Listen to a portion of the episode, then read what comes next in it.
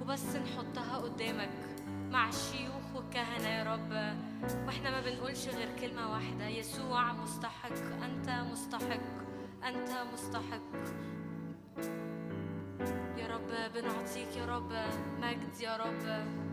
تعالى واعلى في وسطنا تعالى يا رب في وسطنا زيادة يا رب زيادة بزيادة يا رب بالفولنس بتاعتك.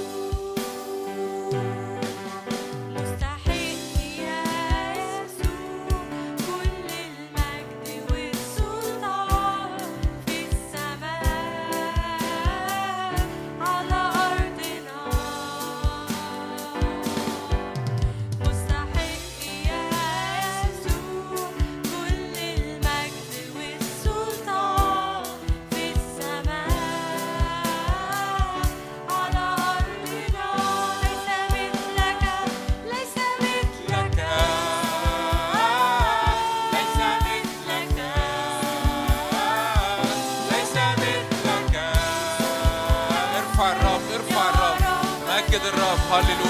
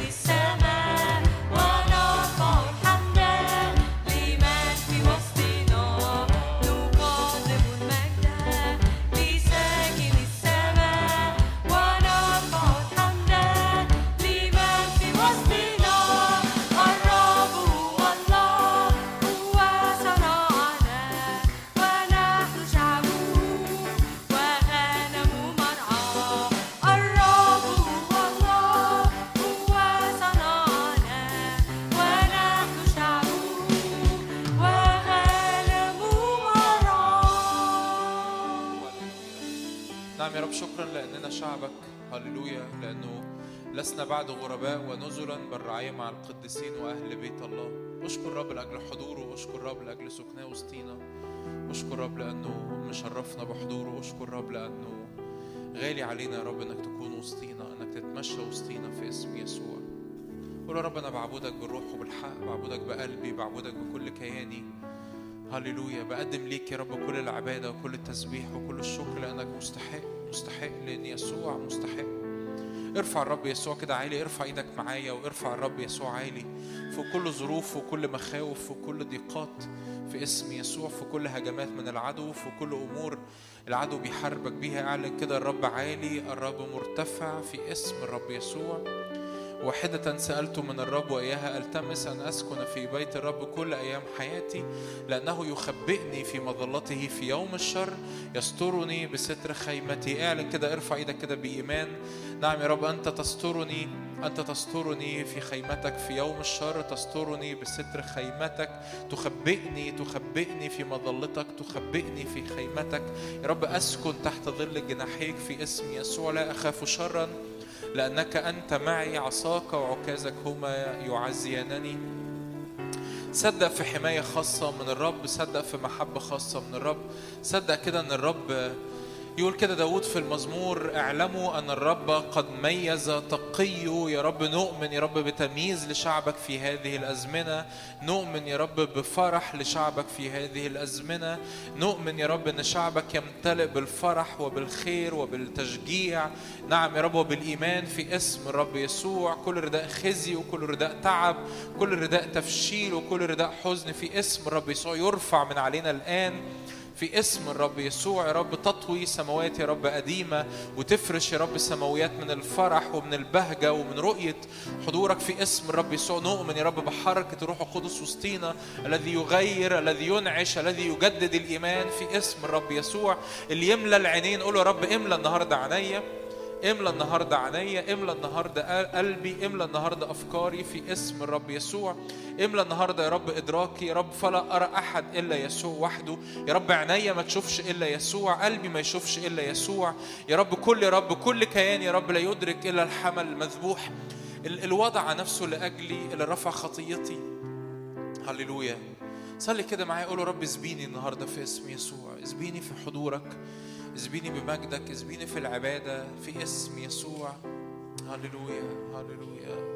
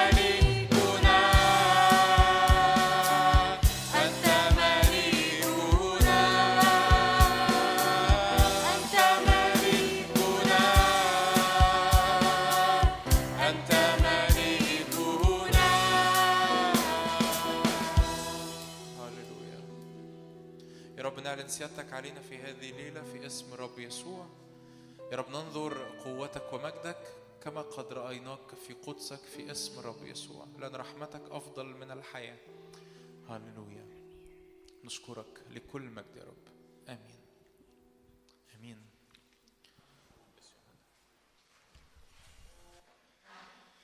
آمين. مساء الخير. كل طيبين. رمضان كريم. أخباركم إيه؟ تعالوا نفتح مع بعض سفر صمويل الأول إصحاح 27 مشغول برسالة خاصة.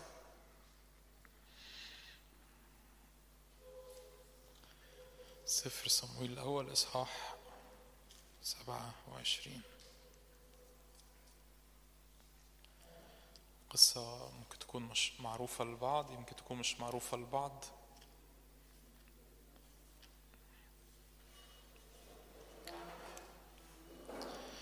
يقول كده داود عدد واحد. وقال داود في قلبه وقال داود في قلبه إني سأهلك يوما بيد شاول. فلا شيء فلا شيء خير لي من أن أفلت إلى أرض الفلسطينيين فييأس شاول مني فلا يفتش علي بعد في جميع تخوم إسرائيل فأنجو من يده.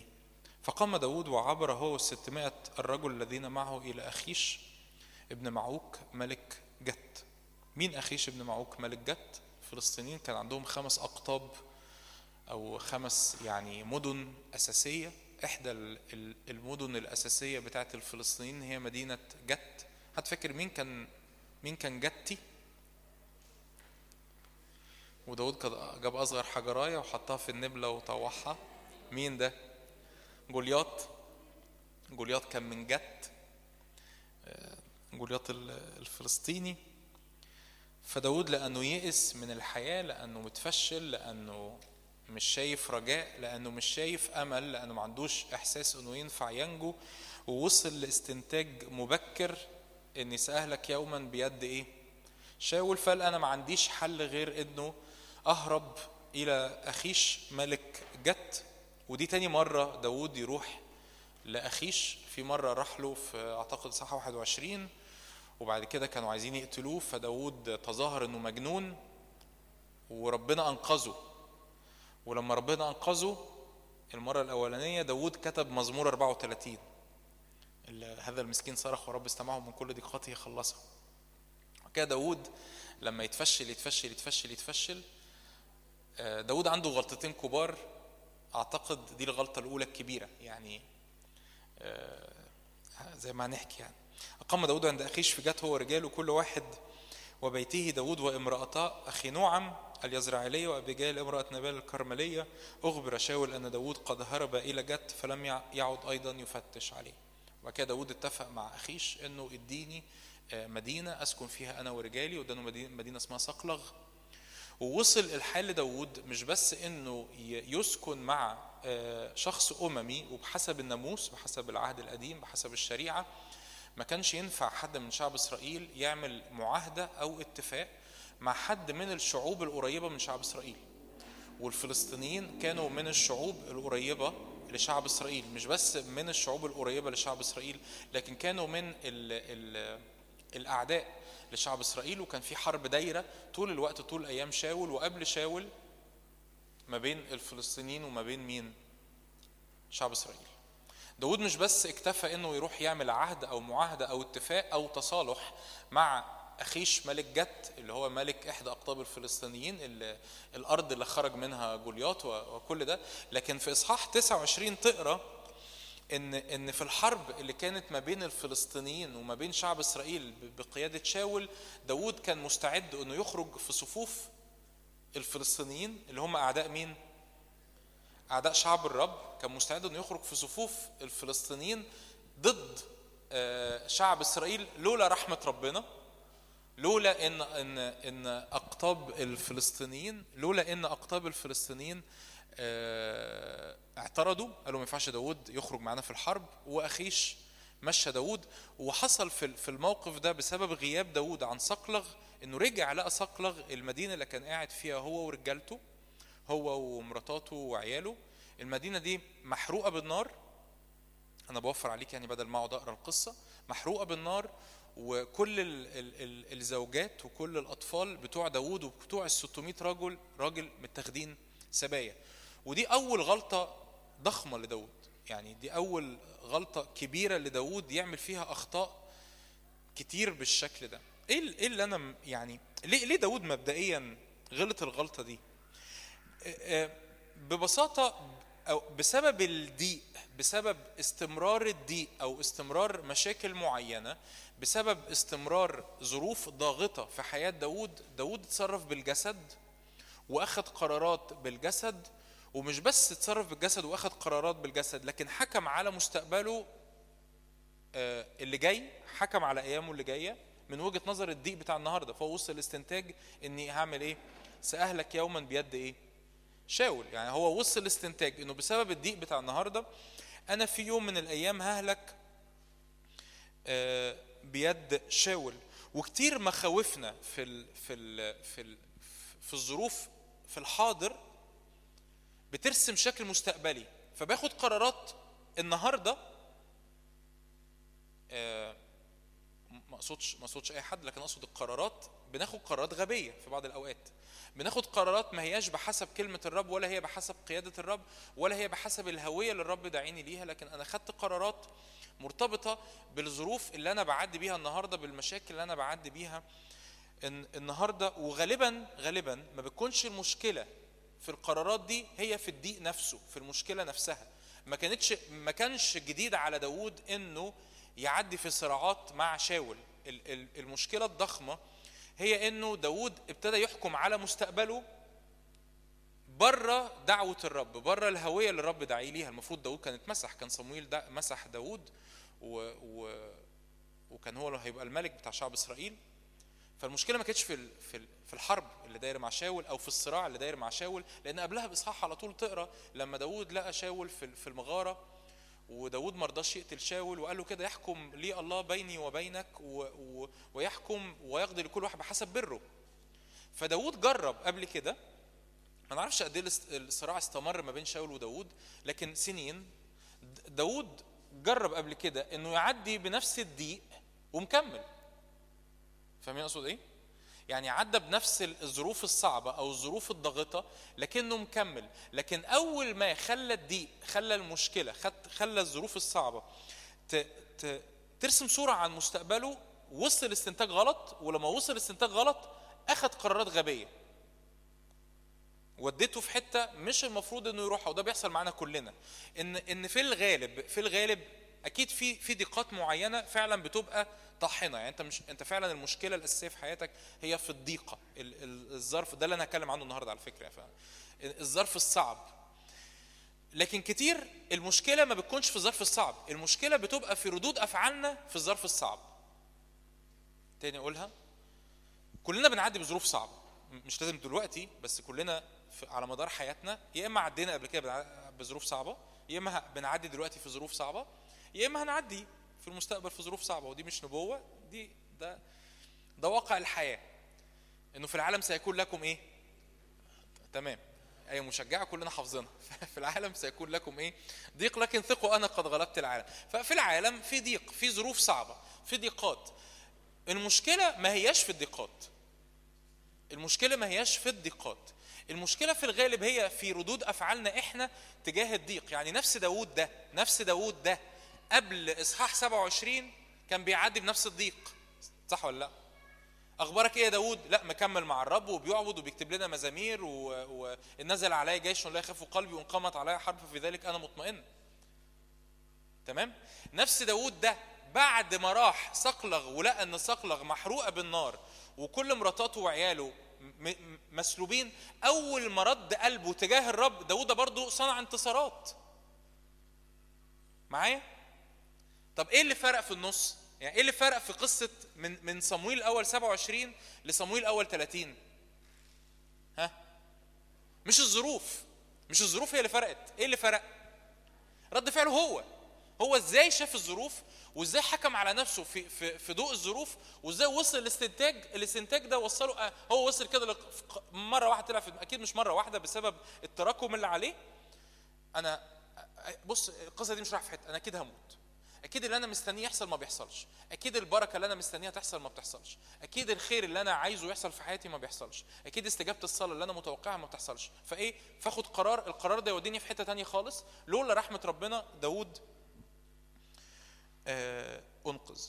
الحقيقة ببساطة اللي أنا عايز أشاركه معاك النهارده إنه وده اللي بصلي له ونصليه مع بعض في آخر الاجتماع إنه كتير بنتعامل مع الضيق كمؤمنين. أنا دلوقتي بتكلم كمؤمنين.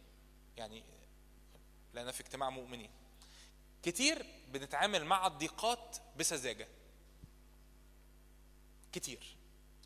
وتكون فاكر إن كل الدور اللي مطلوب منك أنا النهارده هتكلم عن إزاي تتعامل في, وقت الضيق. يعني إزاي إزاي الرب يطلق بسبب. لأن دي دي الرسالة مشغول أنا صاحي النهارده من النوم. بالمعنى ده. ف فإزاي نتعامل بحك... بحكمة في وقت الضيق؟ إزاي لما أنا بعدي بوقت صعب؟ عايز أقول لك في الغالب مشكلتك ما هياش في الوقت الصعب. لأن بولس وسيلة كانوا مسجونين وكانوا مضروبين لكنهم ما خدوش قرارات غبية في السجن. داود لسنين كتير عايش هربان لكنه ما كانش بياخد قرارات غبية. يوسف 13 سنة في الضيق دخلت في الحديد نفسه زي ما الكتاب بيقول لنا لكن يوسف ما أخدش قرارات غبية. الحقيقة في الغالب مشكلتنا ما هياش في الضيق نفسه في الظرف نفسه لكن كتير بتبقى مشك... مشكلتنا في ردود أفعالنا تجاه الضيق. رد فعلنا للظرف الصعب. إيه إيه هي السذاجة اللي بنتعامل بيها أوقات في في ظروف الحياة؟ أوقات بنتعامل بسذاجة إنه وسامحني في التعبير وهشرحه إن كل حاجة آخرها إنك يا تنتهر إبليس يا تصلي ربنا يتدخل. وفي حاجات كتير.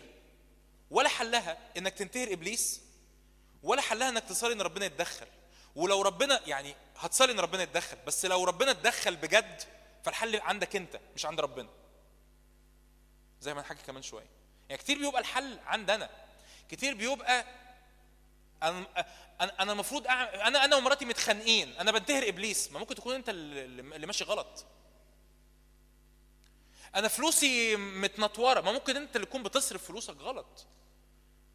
أنا مش لاقي حل عشان مش عارف أعمل إيه. ما يمكن أنت اللي محتاج تشتغل على نفسك شوية علشان الأمور دي تت- تتظبط. فاهم يقصد إيه؟ وأنا شاعر إنه كأنه ربنا عايز يعني يدينا الحكمة دي النهارده. إنه إزاي لما أعدي بوقت فيه ضيقات إزاي وقت الضيق ده ما يكونش وقت ضيق لكن يكون وقت اتساع. آمين؟ ما يكونش وقت ما يكونش ال ال النتيجة بتاعته إني بعمل ردود أفعال جسدية أو إنه عيني بت بتروح عن الرب و أو أو أنا يعني إيه بتعامل مع الأمور سوري أنا آسف بسذاجة مؤمنين. بإيه؟ معلش الكلمة توجع شوية. سذاجة مؤمنين. مش كل حاجة بنت... ينفع نتعامل معاها كده. في أمور حلها عندك. وفي أمور ممكن ما تخلصش لظروف مش ملهاش علاقة بيك. لكن انت إزاي ربنا يديك حكمة انك تعبر بالوقت اللي فيه ضيق علشان تطلع من الضيق ده مختلف انسان مختلف.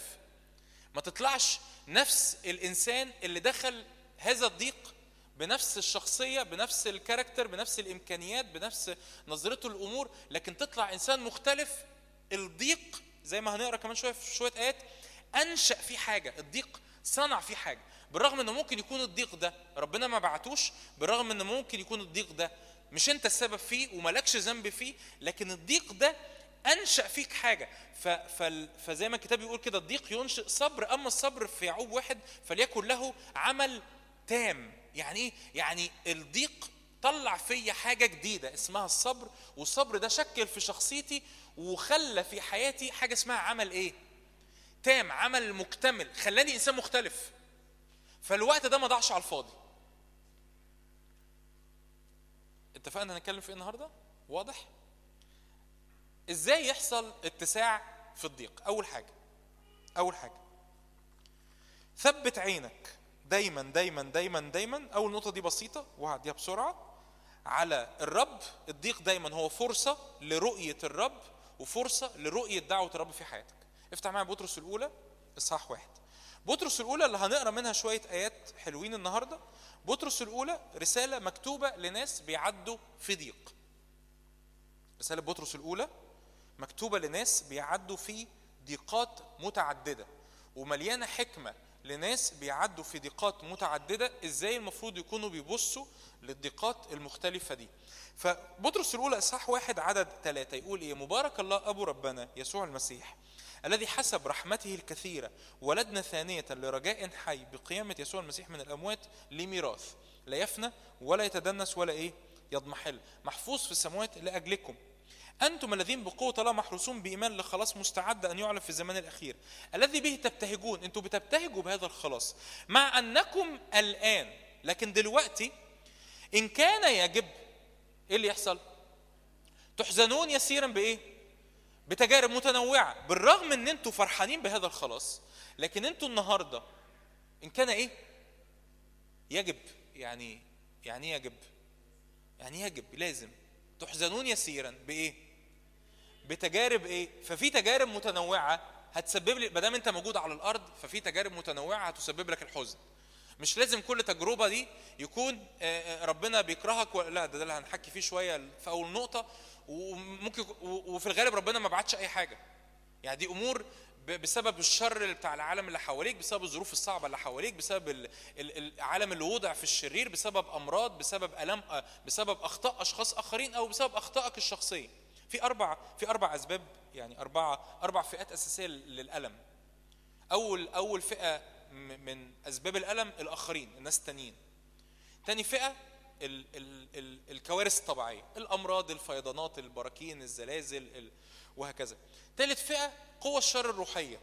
إن في آلام بيسببها إبليس. رابع فئة من مسببات الألم هو مين؟ أنا. بحسب يعني لو أنا هعمل نسبة هعمل تقسيمة مين أكتر حد بيسبب لي أنا الألم؟ أنا.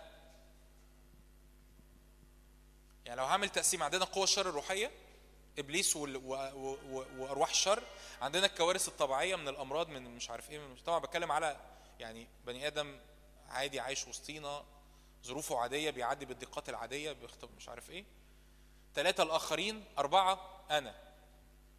أكبر مسبب للألم في حياتنا هو أنا. طريقة تفكيري نظرتي للأمور تصرفاتي أخطائي خطيتي الشخصية ردود أفعالي أنا أكبر سبب لمشاكلي الشخصية. مش الناس مش الظروف مش الكوارث الطبيعية مش إبليس. تمام؟ فيقول الرسول بطرس إنه وأنتوا بتعدوا في العالم يجب تحزنون يسيرا بتجارب متنوعة. بس هتعمل بيها إيه؟ لكي تكون تزكية إيمانكم. عشان يحصل ترقية للإيمان. وهي أثمن من الذهب الفاني مع أنه يمتحن بالنار توجد المدح والكرامة والمجد عند استعلان يسوع المسيح. ببساطة الرسول بطرس يعلمنا أول مبدأ أو أول حكمة من حكمة التعامل في وقت الضيق في وسط الألم. الضيق يطلع فيا إيه؟ يعمل فيا اتساع في إيه؟ في إيماني. ما هو الإيمان؟ هو الثقة بما يرجى والاقام بأمور إيه؟ أنا محتاج أؤمن بإيه؟ محتاج أشوف كذا حاجة، محتاج أشوف الرب، محتاج أشوف كلمته، محتاج أشوف دعوته لحياتي. عايز تستغل وقت الضيق؟ حول نظرتك حول نظرتك من إن أنت باصص تحت رجليك أو تحت ظروفك وتقول له يا رب إزاي الضيق اللي أنا بعدي بيه إزاي الظروف الصعبة اللي أنا بعدي بيها دي تكون فرصة أنا يعني يعني كاتب كده عنوان الضيق فرصة للاتساع الضيق فرصة للاتساع. دي فرصة للإيه؟ للاتساع. أول حاجة يتسع فيها إيه؟ إيمانك. إنه إزاي بالرغم إن أنا بعدي. بعدي بوقت صعب بعدي بوقت فيه تحدي بعدي بوقت فيه تشكيل بعدي بوقت فيه ظروف ضاغطة بعدي بمرض بعد الشر عن السامعين بعدي بحروب من أرواح شريرة بعدي. بظروف صعبة وقاسيه من آخرين ظلم أنا بتعرض ليه أو ألم أنا بتعرض ليه من آخرين أو بعدي بظروف. بحاجات أنا زرعتها فبحصدها في كل في الأربع حالات دول هي فرصة الضيق هو فرصة. إن أنا عيني تتشال من على الضيق وأتعلم حاجة اسمها الإيمان. إن أنا بالرغم من إني مش شايف حاجة كويسة لكن أنا شايف الرب وشايف كلمته لحياتي وشايف دعوته. ودي تكون فرصة لنمو الإيه؟ الإيمان. لأن هو بيقول كده تكون لتزكية إيه؟ إيمانكم. إن إيمانك يحصل فيه ترقية. وده أثمن من الذهب الإيه؟ الفاني. فالضيق الوقت الصعب ده بيعمل إيه في إيماني؟ بيعديه في النار. طب مين اللي بعت النار؟ إن كان يجب أن تحزنون يسيرا بتجارب متنوعة. في تجارب في ضيقات في العالم. العالم وضع في الشرير. ففي ضيقات في ظروف. في في اختيارات. اختيارات غلط. زي اختيار داوود إنه أهلك يوما بيد شاول ف بس لما داوود رجع إلى صقلغ دي كانت فرصة لتزكية الإيه؟ الإيمان إنه يا رب هو, هو أنت بجد لسه لسه يا رب مصدق فيا أصعد يا رب وأحارب عماليق فالرب يقول له تصعد وتدرك وتنقذ فداود هنا استغل الفرصة الصعبة بدل ما تكون الفرصة الصعبة دي مبعوثة من إبليس عشان تكسره إن الفرصة دي تكون لتزكية إيه؟ إيمانه إنه يشوف الأمور من وجهة نظر مختلفة هو أنا ينفع يا رب أرجع أصدق فيك تاني ده, ده الكتاب بيقول كده إن الرجالة بتوع داود ال 600 راجل بتوع داود قالوا برجمه كانوا عايزين يرجموه عايزين يرموه بالحجارة لحد ما يموت عايزين يرجموه بس داود عمل إيه؟ أما داود فعمل إيه؟ فتشدد بالرب إلهه فالضيق ممكن يبقى فرصة للاتساع في إيه أول حاجة؟ في إيمانك. إنه يا رب أنا أنا الضيق اللي أنا بعدي بيه ده أنا بعدي بمرض ما بيخفش. أنا بعدي بحرب روحية مش عارف أعديها. أنا بعدي بظروف صعبة مش عارف أعديها. ده يخليني أعمل إيه؟ ده بدل ما يخليني أهرب من ربنا، ده يخليني أرجع تاني عند الكلمة وأرجع تاني عند الحضور الإلهي وأرجع تاني قدام الرب وأقول يا رب أنا عايز جذوري تتثبت في عمق الإيمان علشان يطلع مني ثمر اسمه اتساع إيمان بالرغم من الظروف الصعبة تفتكروا يوسف كان عنده إيمان وهو في السجن ولا لأ كان عنده إيمان فأول فرصة للاتساع في وسط الضيق هو اتساع لإيه؟ لإيمانك. إن عينك ما تكونش جايبة الظروف الصعبة. عينك تكون جايبة الرب تكون جايبة الكلمة والحق وتكون شايفة دعوته على حياتك. يا رب أنت بتقول عليا إيه؟ يعني أتخيل داود لو وصل لقمة اليأس اللي هو فيه في صمويل أول 27 كان ممكن يرفع قلبه للحظات ويقول يا رب أنت مسحتني على إيد صمويل اللي اتقال عنه إنه لم يدع الرب كلمة واحدة من كلامه يسقط. ويا رب لو صمويل هو اللي مسحني وإنت لا تدع كلمة واحدة من كلام صمويل يسقط فأنا هبقى ملك. أنا ما ينفعش أموت. لو كان داود للحظة رجع للشريعة داود الأغلب الرأي بيقول إن هو اللي كتب مزمور 119 فداود ده لو كان رجع للشريعة اللي هو بيقول أحببت شريعتك اليوم كله هي لهجي لو رجع للشريعة وقرأ في الشريعة إنه ما ينفعش تعمل عهد مع شعب ملاصق لشعب إسرائيل ما كانش هيعمل اللي عمله. لو داود كان رجع لاختبار من اختباراته عبدك هتفكر عبدك قتل الإيه؟ الأسد والإيه؟ والدب. ده مش بس قتل الأسد والدب ده قتل الأسد والدب وجولياط. يا رب أنت أنت معايا أنت موجود. أنا شفت إيديك شالتني إزاي لسنين وسنين كتير. طب إيه- يا داوود ال- الضغط النفسي والضغط العصبي اللي أنت بتعدي بيه ده يبقى فرصة ليه أنا إيماني بيترقى. أنا بيق- بيقفز. أنا ايماني بياخد نقلات. فأنت مش شايف أنت عينك مش على الوقت الصعب. أنت عينك على الإيمان على التشكيل اللي الرب بيعمله في حياتك. إنه أنا مكمل إن أنا مصدق إن عيني مرفوعة على الرب بالرغم من الضيق. أمين؟ أمين؟ فدي أول أول فرصة للاتساع. إيه أول فرصة للاتساع؟ إنه حضرتك تتسع في إيمانك. اتنين حكمة في الضيق. إزاي يبقى عندك حكمة في الضيق؟ اتنين الضيق هو فرصة لاختبار النفس. ودي ما بنحبهاش قوي. الضيق هو إيه؟ فرصة. ب- بص أنا لو أنا متخانق اي أي حد فأنا مش مش يعني مش برمي عليك اللوم. لو أنا متخانق مع مراتي وجيت تتكلم معايا غالبا غالبا بنسبة 99.9 من 10% إلا لو أنا حاولت أبقى حقاني شوية غالبا هحكي لك مراتي غلطت في إيه. صح ولا اللي متجوزين. غالبا. وممكن يعني عشان أحقاني أقول لك يعني بس أنا يعني بس أنا بصراحة قلت لها كلمة. طبعا هي ممكن ما تكونش كلمة هي ممكن تكون الكلمة هي ممكن تكون كلمة بس الكلمة دي سمعت جواها جواها في 10 كل... في 200 ألف كلمة أنا قلتهم على مدار ال 12 سنة الجواز اللي أنا متجوزهم فيها. فاهمين أقصد إيه؟ في الغالب ما حدش بص على أخطاء نفسه.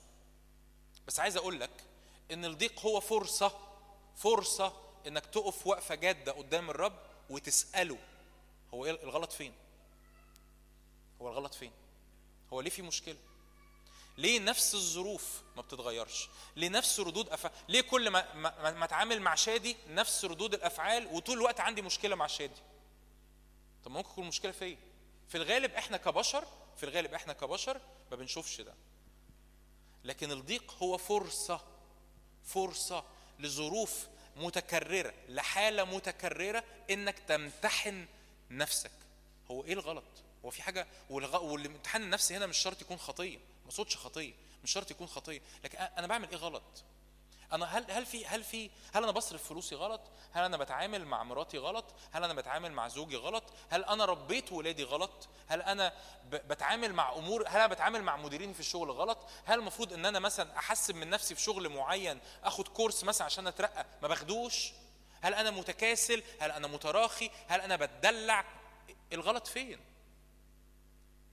الضيق يطلع فيا السؤال ده ومن الحكمة من الحكمة لو أنا بقالي ست سنين بنتهر أرواح الشر من الحكمة إني أقف وقفه وأسأل نفسي الغلط فين؟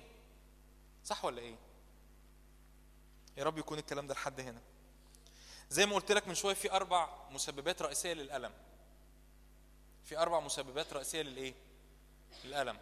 أرواح الشر ظروف وكوارث طبيعية. الآخرين بس أكبرهم هو مين؟ الانا اختياراتي. الأمور اللي أنا زرعتها. ب- بتعامل مع مراتي بقالنا سنين. زرعت زرعت فيها حاجات. قصدت أو لم أقصد زرعت فيها حاجات. زرعت فيها كلام زرعت فيها تصرفات زرعت فيها توقعات لردود أفعال معينة أو أنت حضرتك زرعتي في زوجك أمور معينة وتوقعات لردود أفعال معينة زرعت في ولادي مش عارف إيه زرعت في ولادي مش عارف إيه فأنا عمال أصلي عمال أصلي ابني ما بيتغيرش ابني ما بيتغيرش. ما هو ممكن يكون ما بيتغيرش لأنه هو ما حبش ربنا اللي شافه فيا. مش لأنه أرواح الشر ممتلكاه. ومحتاج أقف وقفة وأسأل نفسي هو أنا عملت حاجة غلط؟ لأن إحنا كلنا وأنا مش بستثني نفسي كلنا عملنا حاجات غلط وبنعمل حاجات غلط. وهنا غلط ما أقصدش إيه؟ ما أقصدش إيه؟ ما أقصدش خطية بالتحديد مش لازم تكون خطية. ممكن يكون تصرف ممكن يكون طريقة كلام ممكن يكون طريقة صرف فلوس ممكن يكون طريقة توقعات ممكن يكون بتصرف غلط. فدي فرصة لامتحان النفس.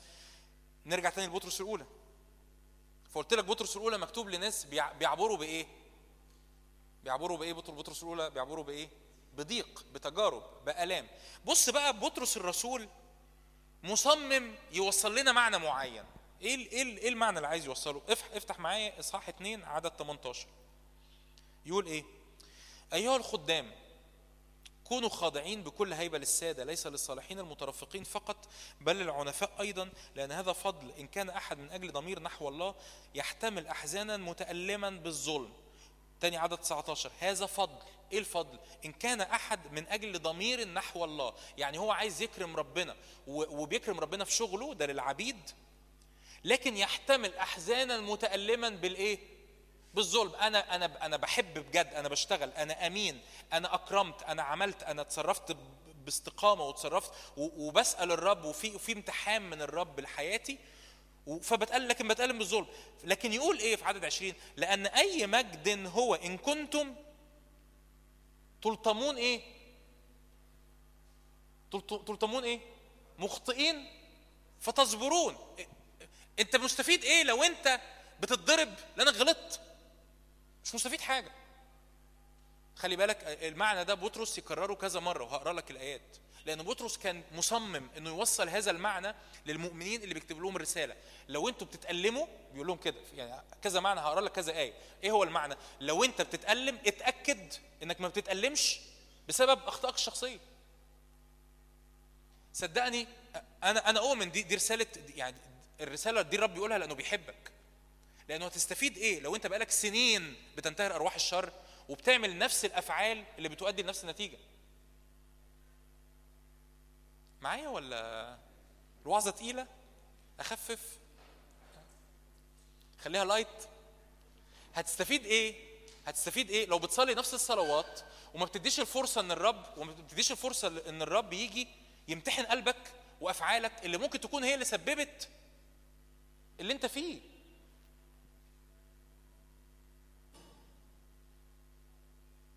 ما حدش يستفيد حاجة. أنا بعمل نفس الحاجة بعمل نفس الكلام مع عيالي وعيالي طالعين معوجين. يا رب تعالى انقذنا يا رب تعالى انقذنا. وكأن الرب يعني عايز يعني ما هيصدق ينزل لي يقول لي حبيبي أنت ربيهم صح. يا رب مراتي يا رب مراتي يا رب مراتي. حبيبي اتعامل حبها بقى يا أخي. اتعامل معاها مظبوط اسمعها. جوزي جوزي جوزي اتوضعي اكرميه. فاهمين اقصد إيه؟ فاهمين اقصد إيه؟ بطرس كذا مرة يكرر نفس المعنى. اتأكدوا أيها العبيد اتأكدوا. لو أنتوا بتتضربوا إن أنتوا بتتضربوا وانتوا مظلومين. مش بتتضربوا وانتوا إيه؟ مخطئين. وانتوا السبب في في في في اللي بيحصل. افتح إصحاح 2 عدد 18 sorry إصحاح 2 عدد 18 اف- إصحاح 3 عدد 13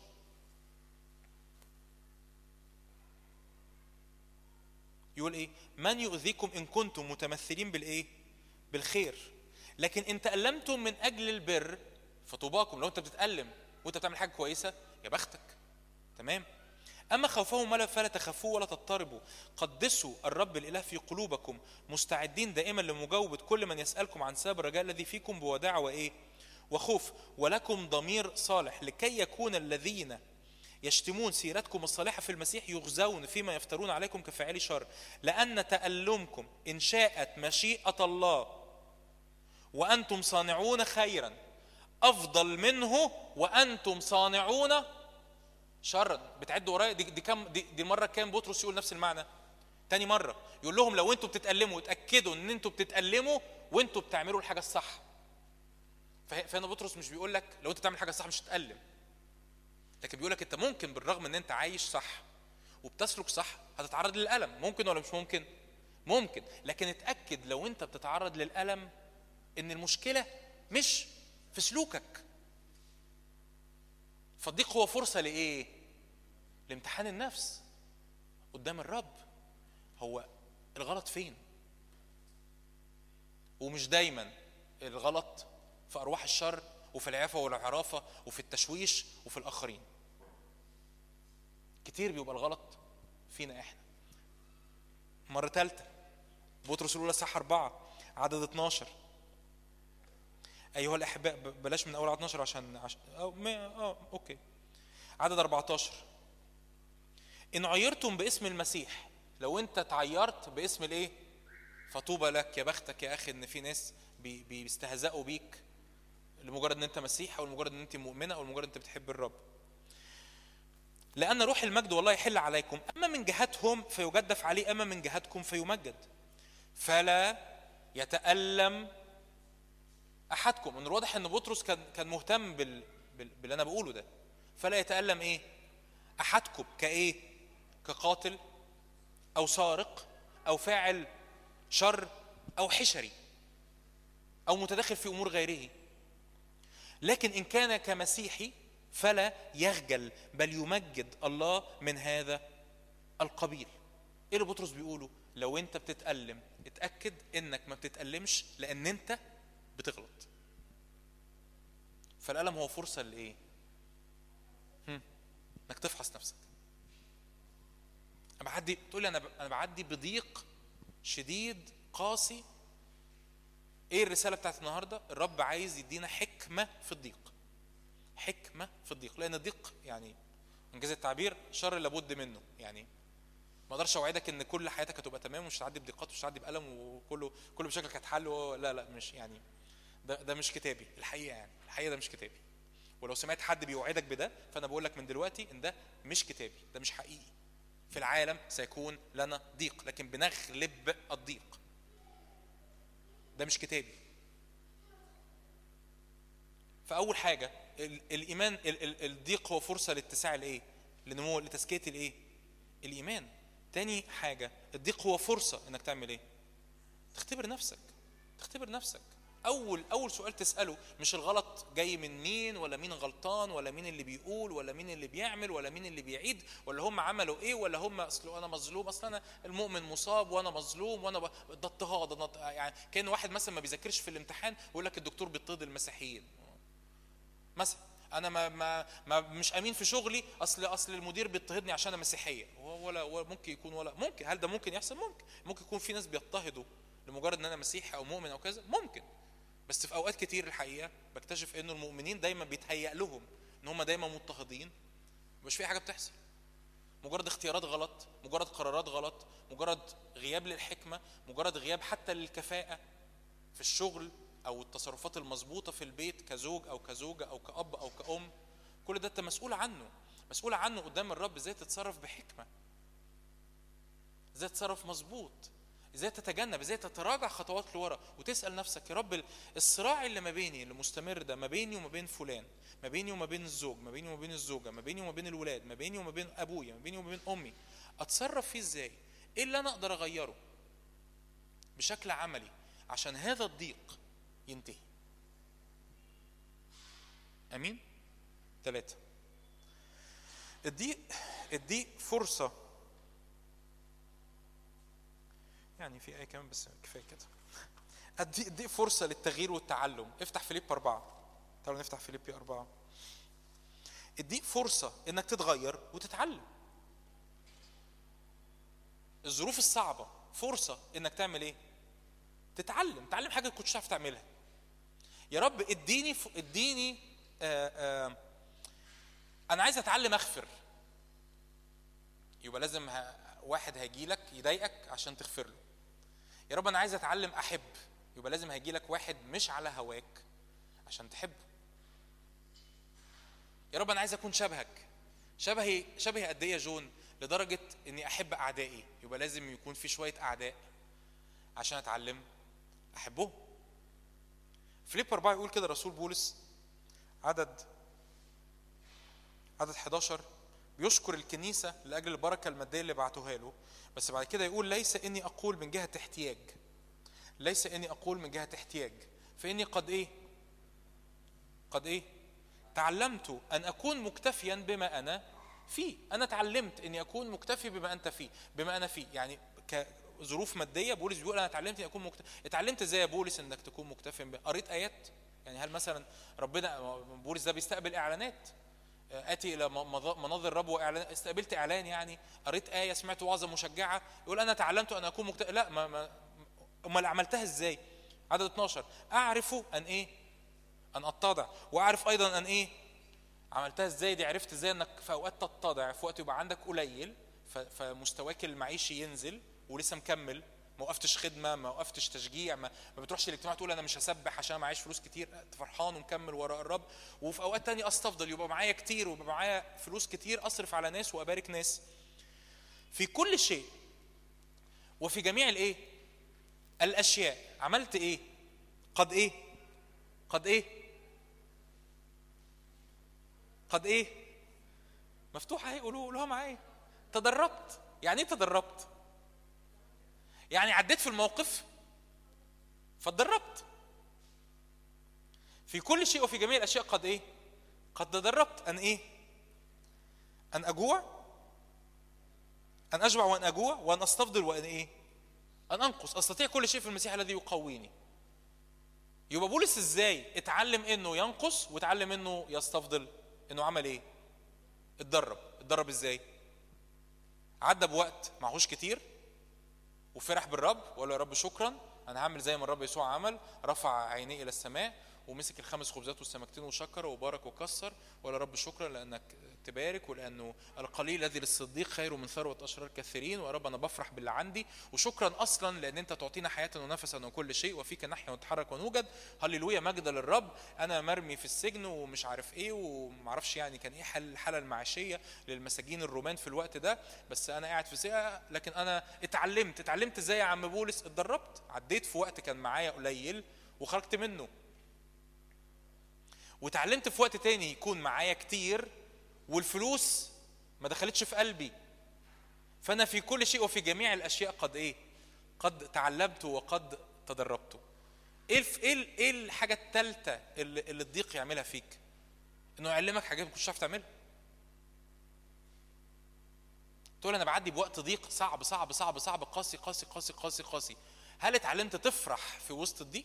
إيه ده هو ده مو- موجود؟ موجود. ما إيه رأيك تحول تحولي الضيق لفرصة لاختبار الفرح في وسط الضيق؟ إيه رأيك إنك تحول الضيق فرصة بدل ما الضيق ده يبقى مبعوث من العدو؟ ال- الضيق ده مرمي من من ظروف مرمي من أشخاص أو بسبب أخطائك الشخصية. ومرمي عليك علشان حضرتك تتفشل أو عشان حضرتك ما تكملش لقدام أو عشان حضرتك ما تستمرش مع الرب أو عشان حضرتك ما تكملش في دعوتك تاخد الضيق ده وتحط كده في ذهنك. الضيق اللي مبعوث عليا ده هيبقى فرصة زي ما الرسول يعقوب كده الضيق ينشئ إيه؟ صبر. تعالوا نفتح الآية دي يعقوب واحد عدد اتنين. عشان كده يقول الرسول يعقوب يعقوب واحد عدد اتنين احسبوه كل إيه؟ فرح يا إخوتي. يعني إيه أحسبه كل فرح؟ يعني أنا اللي هقرر إني أبص للضيق بطريقة مختلفة فأقرر إنه الضيق ده أنا هطلع منه وأنا فرحان. تاني أقولها؟ يعني أنا اللي هغير وجهة نظري هغير طريقة تفكيري هغير ال mindset هغير attitude ي هغير اتجاه قلبي هغير التفكير اتجاه الضيق وأنا هقرر إن الحاجة الوحشة دي أنا هفرح بيها. ليه هفرح بيها؟ لأنه احسبوه كل فرح يا إخواتي حينما تقعون في تجارب متنوعة عالمين أن امتحان إيمانكم ينشئ إيه؟ صبر. أما الصبر فليكن له إيه؟ عمل تام يا رب أشكرك لأن أنا بعدي بوقت صعب. أنا مش بشكرك يا رب على الوقت الصعب لكن أشكرك لأنك معايا في الوقت الصعب. وبالرغم من أنا بعدي بوقت صعب لكن الوقت الصعب ده يدربني أنا على حاجة اسمها الإيه؟ الصبر. والصبر ده يشتغل في حياتي عشان يكون لي حاجة اسمها عمل إيه؟ تام لكي تكونوا تامين كاملين غير ناقصين في شيء. وإنما إن كان أحد تعوزه حكمة الآية دي مرتبطة باللي قبلها. إن كان أحد تعوزه حكمة في وسط الضيق. لو أنت محتاج حكمة إزاي تعبر في الوقت الصعب؟ إن كان أحد تعوزه حكمة يعمل إيه؟ فليطلب من مين؟ من الله. الذي يعطي الجميع بإيه؟ بسخاء ولا إيه؟ يعير فسيعطى له. وليطلب بإيمان. يعني أنت تطلب الحكمة في وسط الضيق بإيمان لأن الرب عايز يديك حكمة في وسط الضيق. فبدل ما يكون اتجاهك بدل ما يكون صلواتك بدل ما يكون ترنيماتك بدل ما يكون اتجاه قلبك هو التذمر أو الشكاية أو انتهار أرواح الشر أو أو أو أو ومش بقول يعني لو الموضوع وراء أرواح شر انتهي ارواح الشر مفيش مشكلة. لكن ما هياش هي دي بس الصلاة المفروض تصليها. بدل ما يكون ده اتجاه قلبك المستمر لا اتجاه قلبك يتحول إنه يا رب أنا بعدي بوقت ضاغط أنا ما عدتش بيه قبل كده ما عنديش العضلات اللي تخليني أعدي الوقت ده. وأنت يا رب في الكلمة بتقول احسبوه كل فرح يا إخوتي حينما تقعون في إيه؟ في تجارب متنوعة. أنا يا رب عايز أفرح. طب هفرح إزاي يا رب؟ هفرح لما أستقبل الحكمة وأعرف أعدي في الضيق ده إزاي. فاعبر منه. فالضيق ده اللي كان مبعوث أو اللي أنا عديت بيه وكان المفروض يعني إنه يكسرني أطلع منه صبور. أطلع منه فرحان. أطلع منه مليان سلام. أطلع منه أقول مع بولس تدربت أن اشبع وأن أجوع. هللويا. فتحسبه كل فرح حينما تقع في تجارب إيه؟ متنوعة. صعبة؟ آه صعبة. يعني يعني هل ده يعني اللي هو موضوع بسيط يعني؟ كنا بنقزز لب. لا مش قوي كده. انت بتقف بتقعد قدام الكلمة بتقف قدام الكلمة وتقول يا رب أنا عايز أتعلم ال- الحكمة دي. ان لما اعدي بوقت صعب ما ابصش على ال- اللي أنا بعدي بيه وكأنه آخر الدنيا ما ابصش اللي أنا بعدي بيه وأعمل زي داوود. اني سالك يوم بيد شاول. داوود وصل للاستنتاج. ان ان ان إن آخرة الضيق ده إيه؟ إني ههلك. فانا مش هعمل زي داوود وابص على آخرة الضيق إني ههلك لكن أبص على الضيق وأقول إن آخرة الضيق ده صبر وعمل إيه؟ تام وأبقى مليان حكمة. عشان لما ده يعني ممكن نفتح برضو رومية خمسة لأنه نفس المعنى بولس الرسول بيكرره. رومية خمسة عدد عدد ثلاثة ليس ذلك فقط. ليس ذلك فقط إيه؟ بل نفتخر أيضا في الإيه؟ في الضيقات نفتخر في الوقت الصعب. نفتخر في الوقت الصعب. عالمين أن الإيه؟ الضيق ينشئ صبر. الضيق يطلع فيا ماتيريال يطلع فيا حاجة ما كانتش موجودة. أنا مثلا ممكن أكون مثلا هدي هدي مثال على الفلوس. فأنا مثلا جربت أقعد معايا أقعد أسبوع معياش فلوس. فلاقي إنه أنا عديت الشهر اللي جاي ده معياش فلوس. الضيق أنشأ فيا صبر وأنشأ فيا مستوى أعلى من التدريب. فأقول مع بولس إنه في جميع الأشياء قد دربت فالضيق ينشئ إيه؟ صبر. والصبر إيه؟ ترقية. والترقية إيه؟ رجاء. رجاء بإيه؟ رجاء إني لما أدخل في نفس نوع الضيق ده تاني أنا هعديه. ليه؟ لأن أنا عديته قبل كده. الضيق ينشئ إيه؟ صبر والصبر إيه؟ صبر إيه؟ تزكية. والتزكية إيه؟ ليه التزكية تنشئ رجاء؟ لأني لما ترقيت بقى عندي رجاء. إيه هو الرجاء؟ إني لو عديت في نفس نوع الضيق ده تاني هعمل إيه؟ هعدي. هكمل. هنتصر. مش هتكسر. لو نفس نوعية الضيق لو نفس نوعية الحرب دخلتها أنا هنتصر. ليه؟ لأن الضيق أنشأ فيها صبر والصبر تزكية والتزكية إيه؟ رجاء. أربعة. فالضيق هو فرصة للتغيير والتعلم. أربعة. رومية 8 18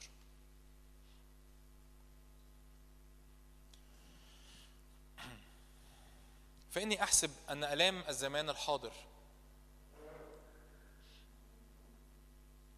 لا تقاس بالمجد العتيد أن يستعلن فينا.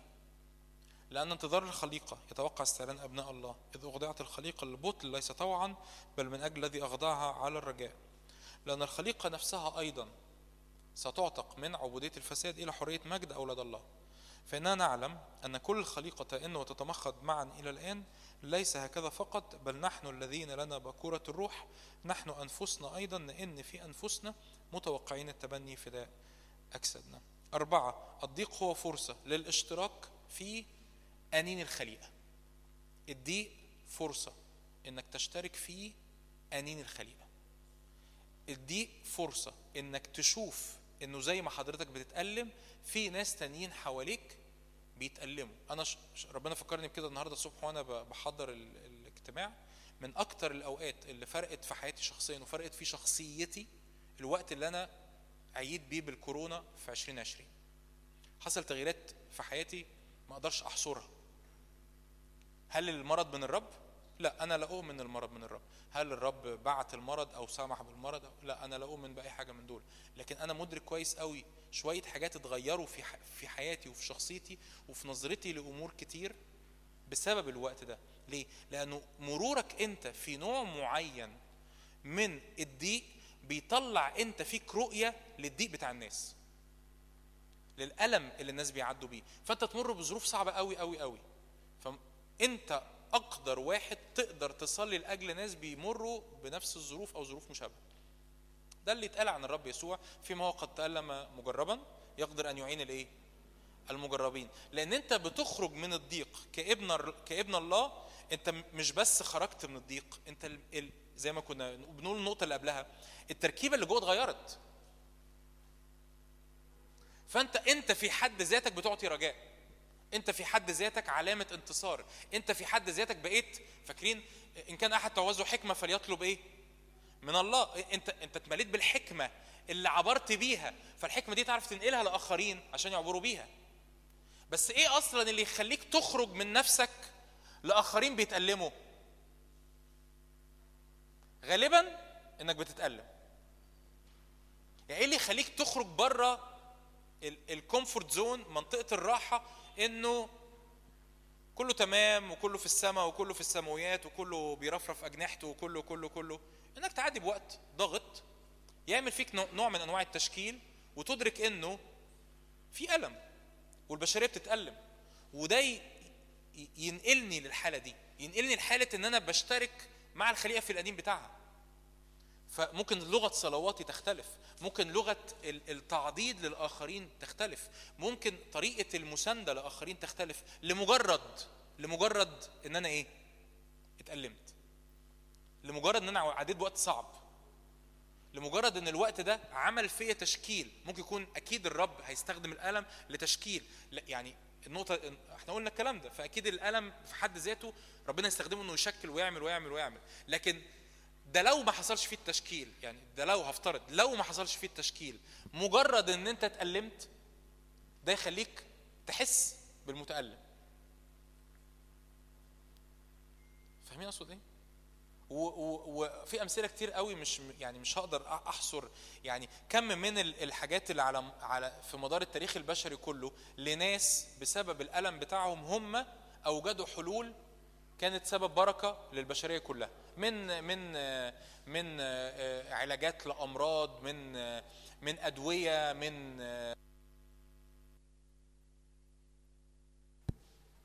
من من طرق آه، زي طريقة برايل من حاجات كتير قوي قوي حصلت على مدار تاريخ البشرية. ناس عملوها لأن هم أصلا كانوا اتألموا بالألم ده. فربنا استخدم الألم ده إن هو يطلع منهم حاجة مش نفسهم بس لمين؟ للخليقة. أمين؟ أمين؟ واظب مشجع قوي النهارده صح؟ باين باين عليكم خالص صح؟ باركتي. هللويا. خمسة وأخيرا. أربعة فرصة الاشتراك في ألم الخليقة. خمسة وأخيرا.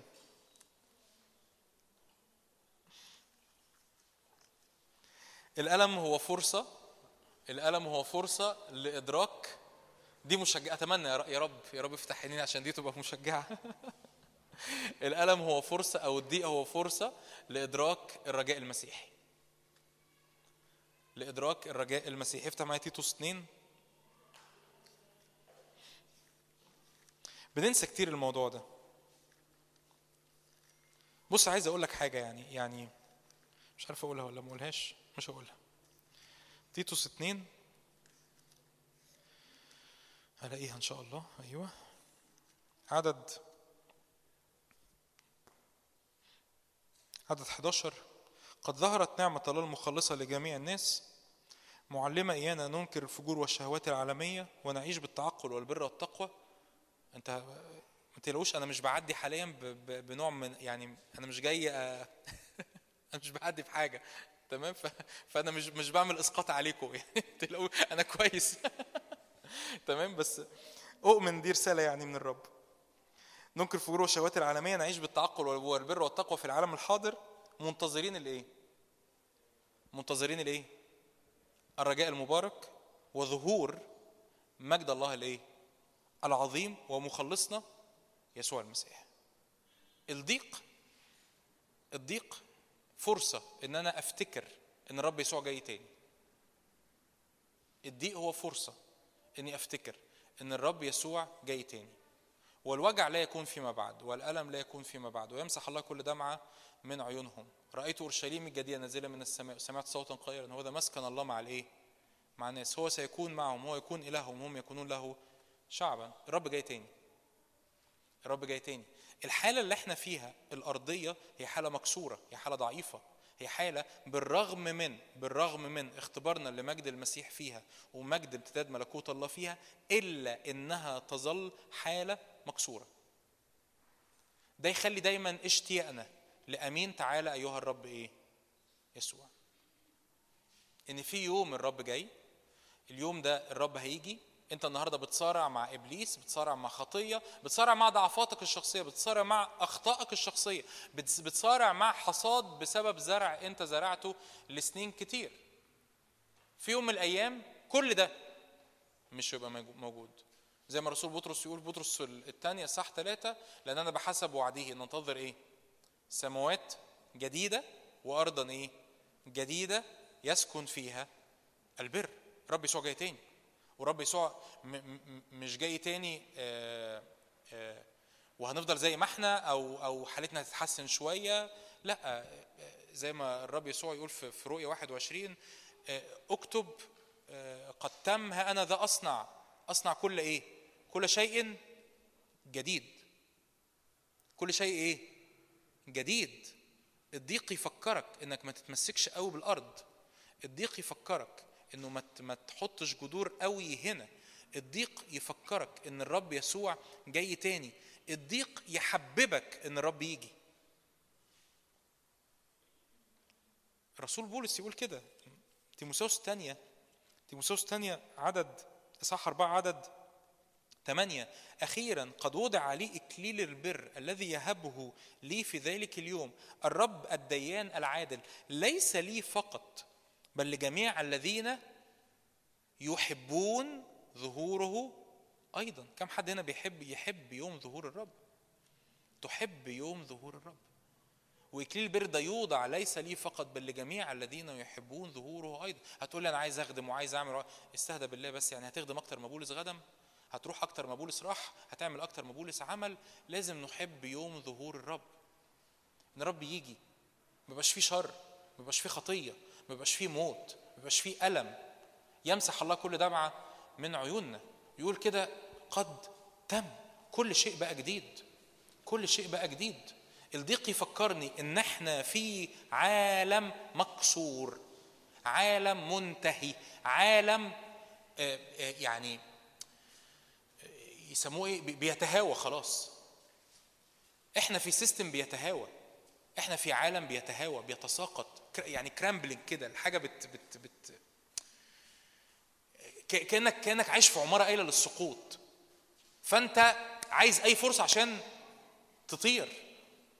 ما أنتش أنت أنت متمسك بإيه؟ أنت ماسك بإيه؟ أنت مستني اللحظة اللي ترى فيها ارضا جديدة وسماء جديدة يسكن فيها البر. هللويا.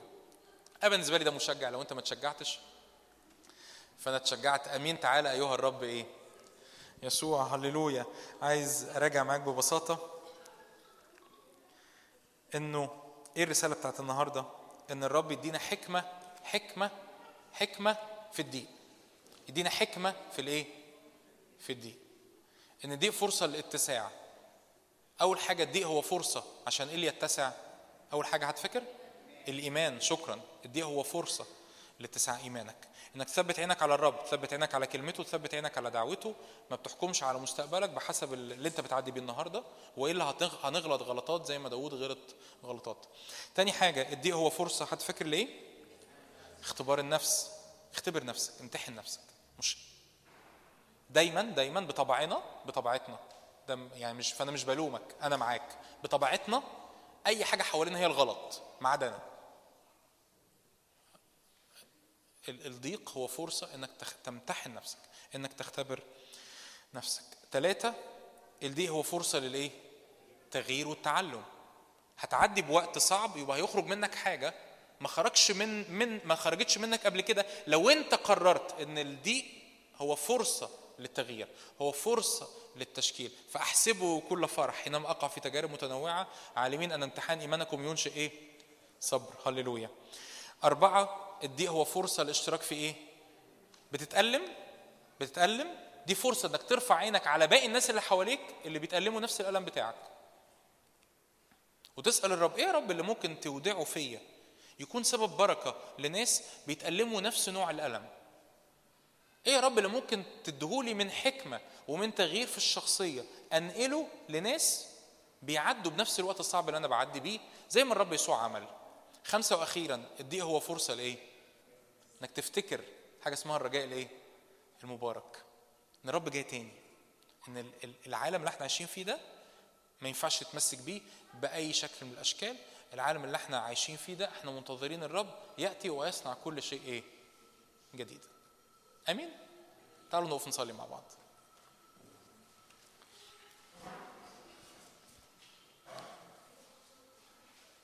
أنا هصلي وقت وبعد كده أسيب الفرصة بقى لفريق التسبيح. عشان نتشجع تاني زي ما كنا متشجعين قبل الكلمة. تعالوا نقف نصلي مع بعض.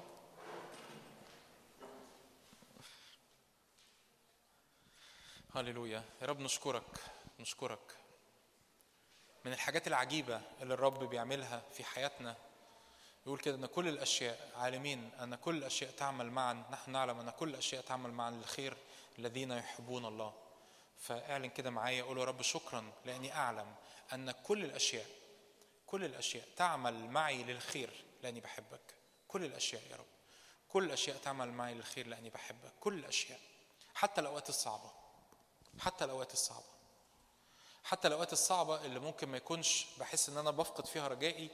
الأوقات الصعبة اللي أنا ممكن أكون عملت ردود أفعال زي داوود أو بعمل ردود أفعال زي زي داوود. قول يا رب أنا بصلي وبحط قلبي قدامك زي ما الرسول يعقوب قال كده إن كان أحد تعوزه حكمة فليطلب من الله الذي يعطي الجميع بسخاء ولا إيه يعير فسيعطى له. قول يا رب أنا عايز حكمة في الضيق. لو أنت بتعدي دلوقتي في ضيق. فيعني يعني بالأولى إنك تصلي الصلوة دي.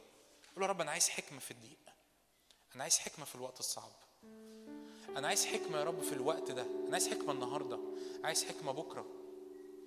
عايز حكمة أتصرف إزاي و... وأروح فين وأجي منين؟ مش عايز يا رب أتصرف بسذاجة. اوعى اوعى تفتكر إن أنا أقصد إنك ما تصليش. لا صلي. صلي وأنت فاهم إن ممكن يكون قيادة الرب ليك هو أمر عملي مش بس إنك بتصلي. صلي وأنت عارف إن ممكن الرب يقودك ويرشدك لحلول عملية مش بس أمور روحية. فصلي. اطلب الرب قول يا رب تعالى املاني بالحكمة. تعالى اختبرني يا الله واعرف قلبي امتحني واعرف أفكاري. انظر إن كان في طريقا باطلا اهدني طريقا ابديا. علمني إني أعيش شبهك في صورتك حسب قلبك وحسب أفكارك في اسم يسوع. يا رب أنا بصلي حكمة ان إحنا نخرج من كل تضيق في حياتنا في اسم يسوع. حكمة يا رب حكمة. ولو في أمور لأن هي خارجة عن إرادتنا. أمور صعبة. فحكمة يا رب إن إحنا نتعلم في وسط الضيق. حكمة إن إحنا نتعلم في وسط الضيق.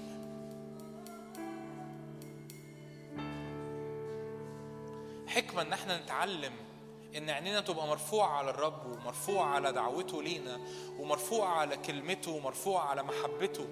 حكمة إن إن قلبنا يتملي بإدراك صلاح الرب ومحبته. وزي ما الكتاب يقول كده معه أنا في الضيق أنقذه وأمجده. رب شكرا لأنه حتى في وسط الضيق أنت معي. حتى في وسط الضيق أنت معي. أنت لا تتركني أنت مش بتسيبني انت معايا معايا بكلمتك ومعايا بحقك ومعايا بدعوتك.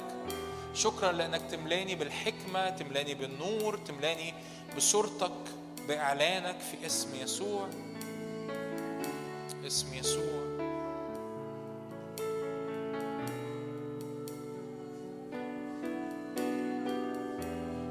يا رب شكرا لأنه بالرغم يا رب إنك قلت في العالم سيكون لكم ضيق لكن أنت قلت ثقوا ثقوا أنا قد غلبت العالم.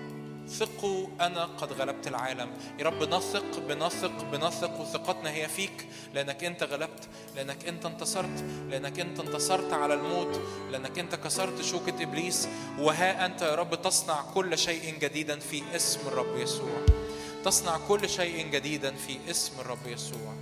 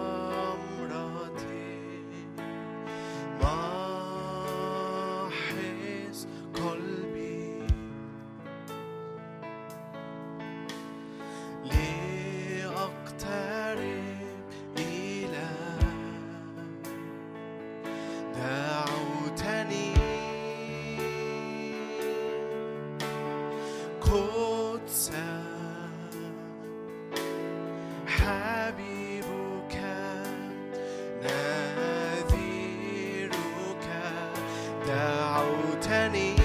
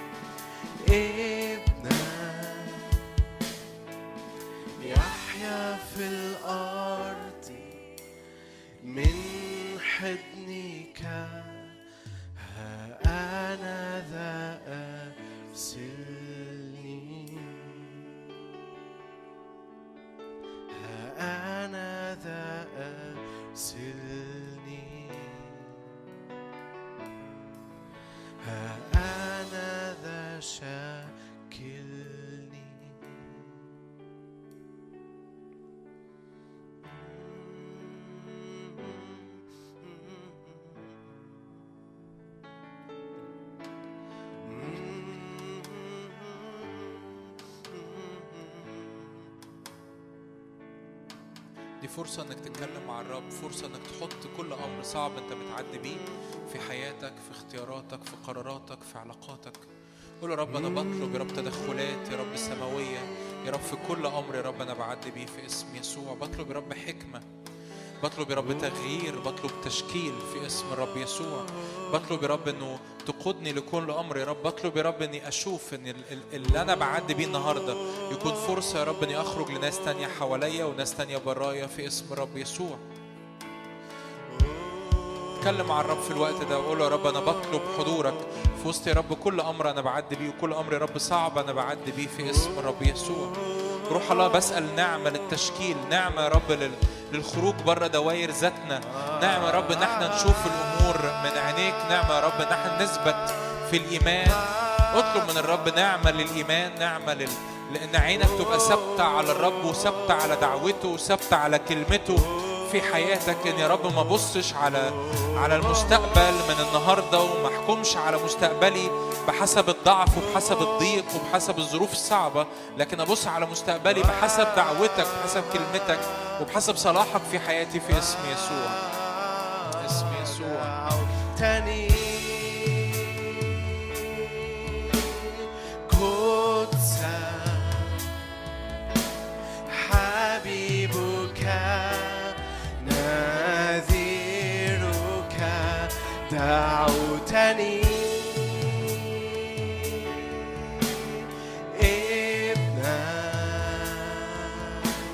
يحيا في الأرض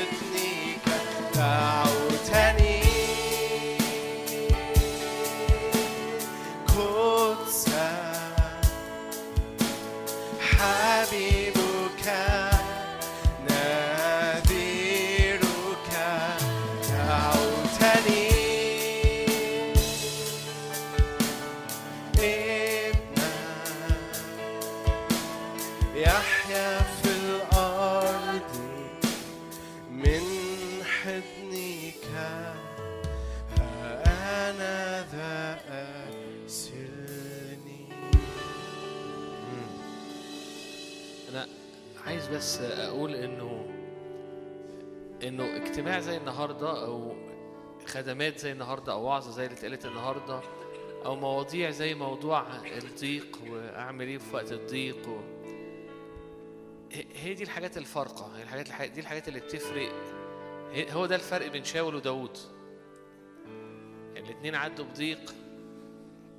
داوود النهارده كان في أوت الحتة اللي قريناها زي غلط في وقت الضيق. ولكنه بعد كده في وقت السبي رجع وعمل حاجة تانية في وقت الضيق. لكن حياة داوود كان فيها إنه دايما بيعرف إزاي في أوقات الضيق يختار صح ويختار رب عكس تماما شاول. الاثنين ملوك الاثنين ممسوحين الاثنين مؤمنين. فوعظات زي وعظات النهارده دي هي دي بتصنع الفرق. أنا بس حبيت يعني أنوه. وعظات زي النهارده هي اللي تعلمك في الحياة العملية إزاي تصنع الفرق؟ من إنك تكون شكل زي شاول شكل بلا مضمون من جوه وبين داود تقل وحقيقة و فارجع تاني واسمع الاجتماع تاني واسمع الوعظة تاني لأنه أول حاجة بتحصل لما بنسمع وعظات زي دي هي إن دماغك بتقفل. إنك تبقى أنت لا عايز تسمع ضيق ولا عايز تسمع حد يشغل يكلمك عن أي حاجة من الحاجات دي. أنا عايز حد يشجعني. أنا عايز حد يقول لي حاجة مشجعة. أنا عايز حد يعلمني في حتة بعيد عن أماكن الضعف. عايز حد يكلمني عن حتة بعيد عن أماكن التحدي. ف فأنا بشجعكم إن إحنا اجتماع زي اجتماع النهارده ده لا ده يتسمع مرة تانية. عشان يتهضم ويبقى الاسلوب حياة. المفاجأة النهارده إن إحنا ما خلصناش. المفاجأة إن إحنا ما خلصناش. إحنا لسه عندنا فقرة تانية. لسه عندنا بتاع 35 دقيقة تاني. جاست ورشب عبادة. عبادة وقعدة قدام الرب. طبعا لو أنت في النص محتاج تمشي يعني لكن إحنا ممكن نقعد لحد الساعة 9 لسه. فلو أنت عندك لسه وقت اقعد معانا واعبد الرب و... واطلب الرب و... آمين. آمين.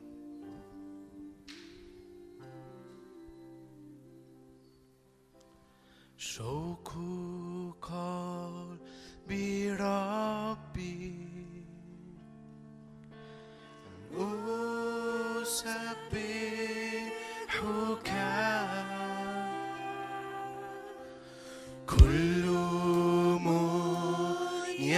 tea.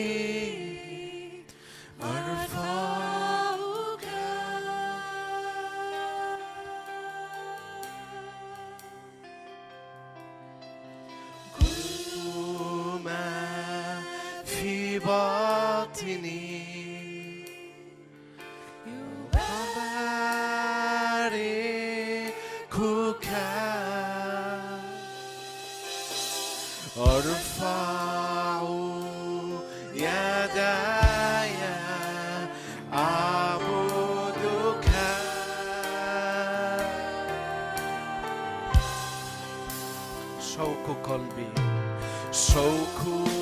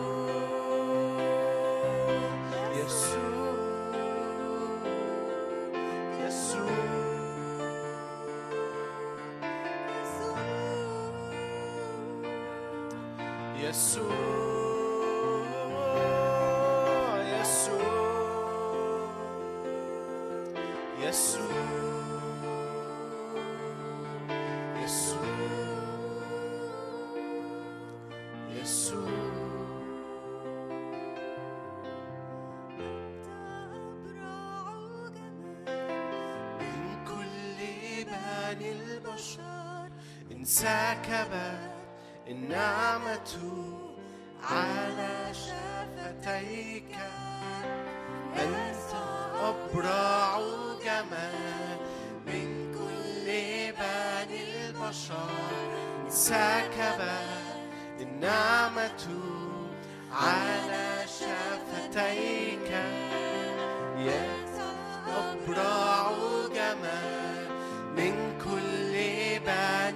البشر انسكبت النعمة على شفتيك يسوع أبرع من كل بني البشر انسكبت النعمة على شفتيك يسوع يسوع يسوع يسوع يسوع يسوع يسوع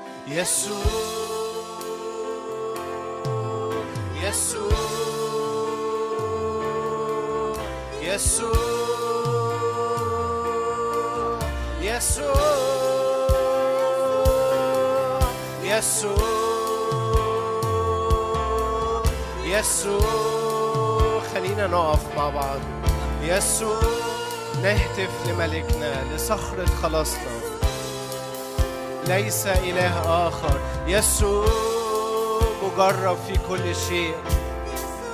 يقدر أن يعين المجربين. الصادق الأمين. يسوع يسوع قلبي ولحمي يهتفان هو الإله الحي. يسوع يسوع يسوع يسوع.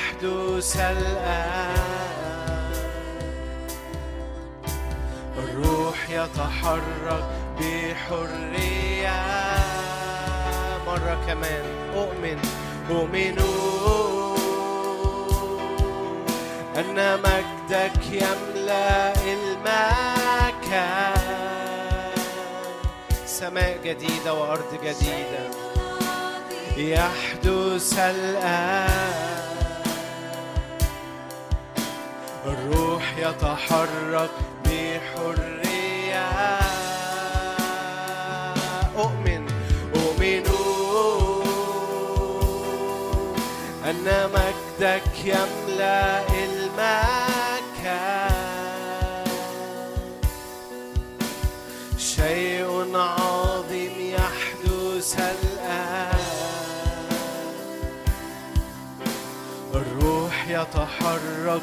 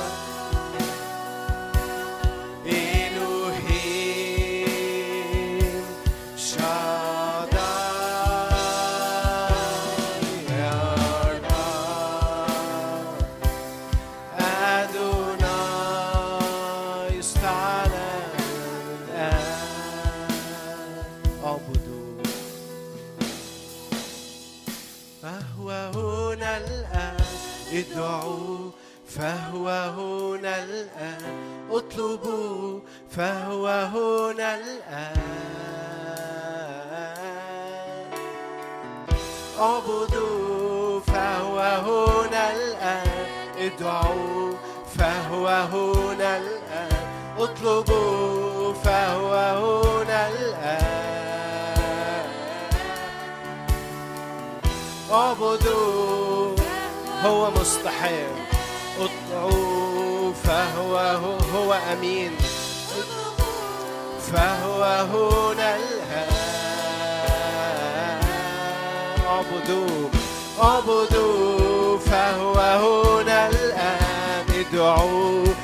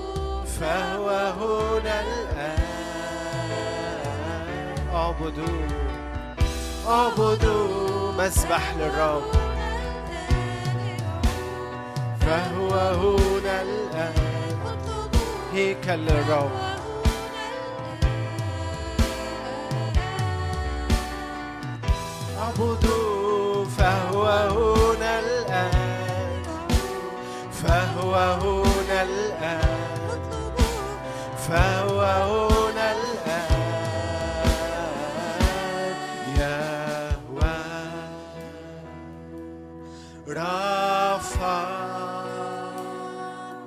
Elohim, Shalom.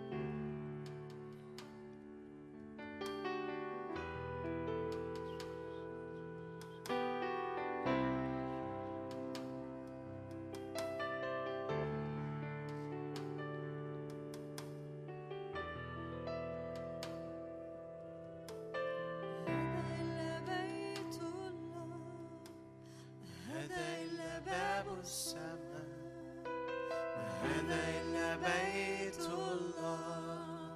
ما هذا إلا باب السماء؟ ما هذا إلا بيت الله؟ ما هذا إلا باب السماء؟ قد انفتح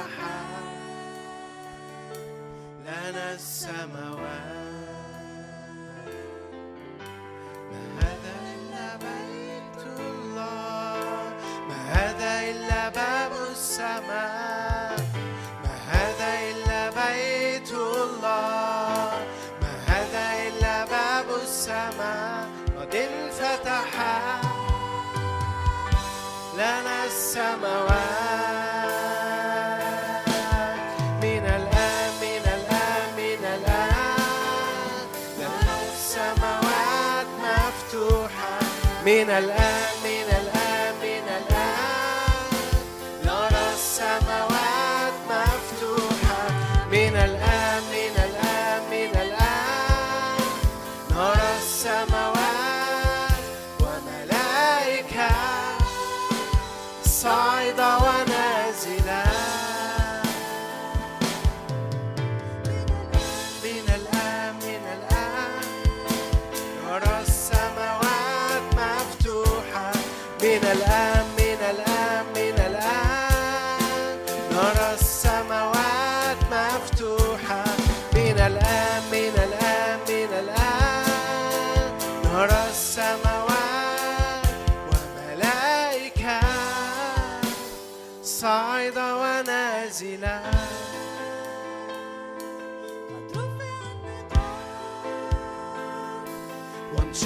الحجاب قد رفع النقاب وانشق الحجاب. ليعاين مجد الآن قد رفع النقاب وانشق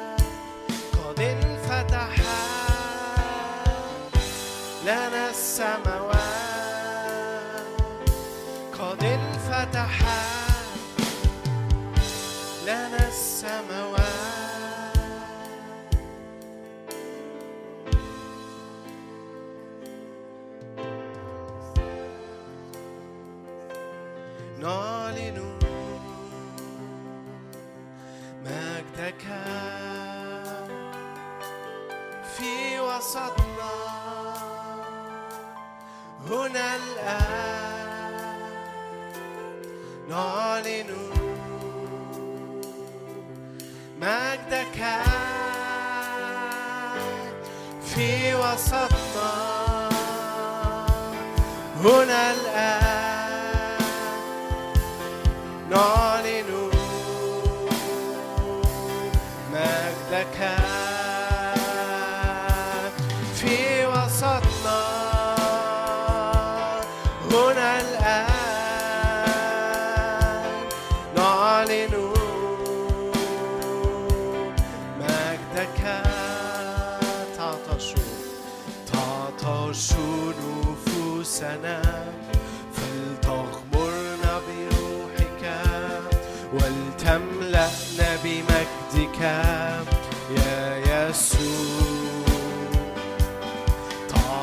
そ。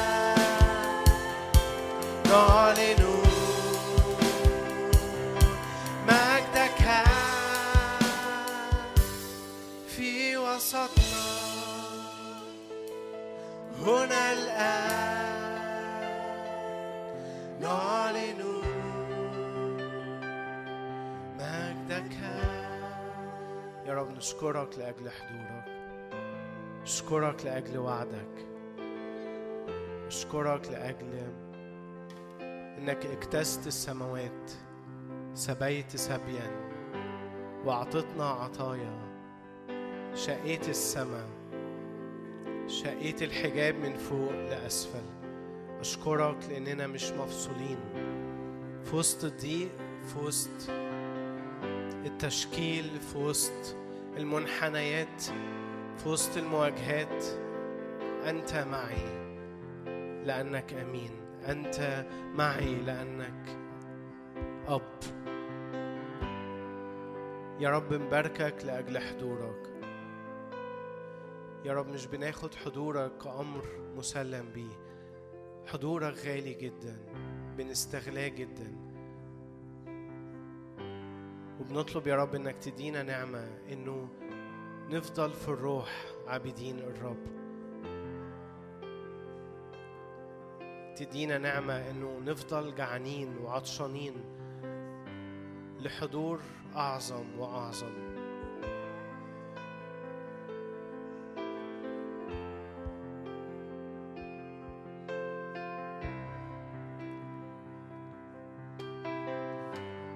نعمة وحكمة لكي لا نطفئ الروح ولا نحزن الروح.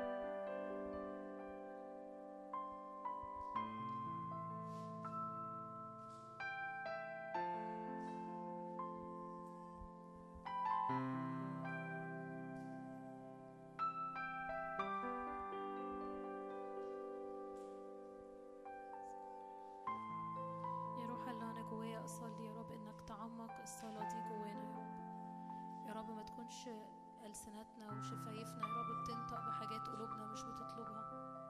يا روح الله تعالى عمق جوانا الصلاة يا رب إنه قلوبنا تبقى ثابتة ورا يسوع يا رب في أزمنة الفرج وفي أزمنة الضيق يا رب في الفرح وفي الحزن يا رب قلبنا يتتبع الرب. يا روح الله تعالى عمق الصلاة دي جوا قلوبنا.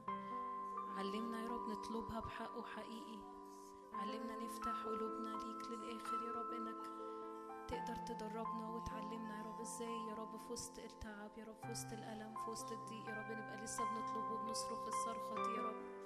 وإزاي عينينا تبقى لسه على يسوع ثابتة على يسوع على رئيس الإيمان ومكمله يسوع. يا رب نشكرك يا رب نشكرك لأنك أنت رئيس الإيمان ومكمله. نشكرك لأن روح القدس هو اللي بيئن فينا وبيشفع فينا بصلوات يا رب. إحنا ما نعرفش نصليها. جوانا عمق جوانا يا رب دي عشان نطلب يسوع حقيقي في كل وقت وفي أي وقت. بنكرمك يا يسوع في وسط الجسد ده بنكرمك يا رب. وبنعلن يا رب إن إحنا بنحبك وعايزين نتبعك يا رب.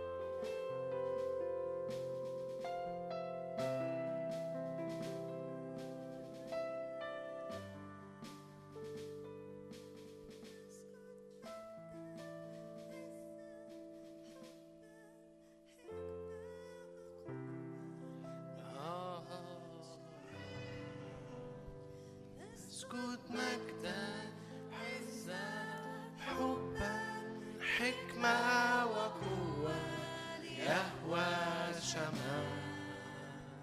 نسجد مجدا عزا حبا حكمة وقوة يهوى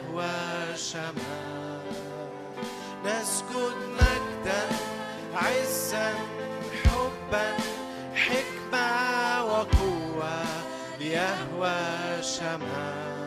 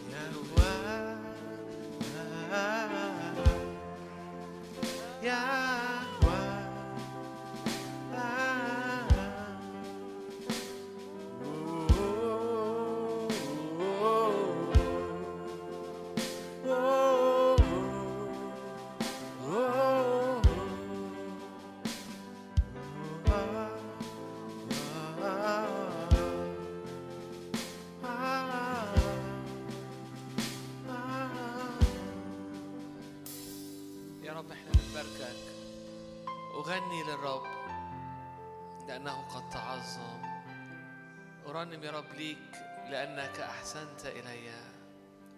يا رب نشكرك عشان حضورك يا رب. يا رب نجوع ونعطش لحضورك نجوع ونعطش للبر ونشبع يا رب لأنه مكتوب طوبى للجياع والعطاش إلى البر لأنهم يشبعون. يا رب نصلي عشان النهارده بالليل نصلي عشان أحلامنا نصلي عشان بكرة أربع والخميس والجمعة والسبت والحد. لحد التلاتة الجاي أيام مغموسة في الزيت أيام مليانة حضور أيام فيها نجري خلفك يا رب. نذهب وراءك يا رب أيا كان. قلوبنا وراك حتى لو في برية في أرض غير مزروعة. أتبعك يا رب أتبعك أينما تمضي. دينا نجوع ونعطش آه، ليك يا رب ونعطش يا رب لحضورك. دينا نجوع ونعطش لكلمتك. دينا ننادي يا رب عليك يا رب ونترجى حضورك يا رب. قلت اطلب وجهي وجهك يا رب نطلب في اسم يسوع. آه، آمين. آه، أخرناكم النهارده معلش. بس استمتعنا بالرب مع بعض. آه، إحنا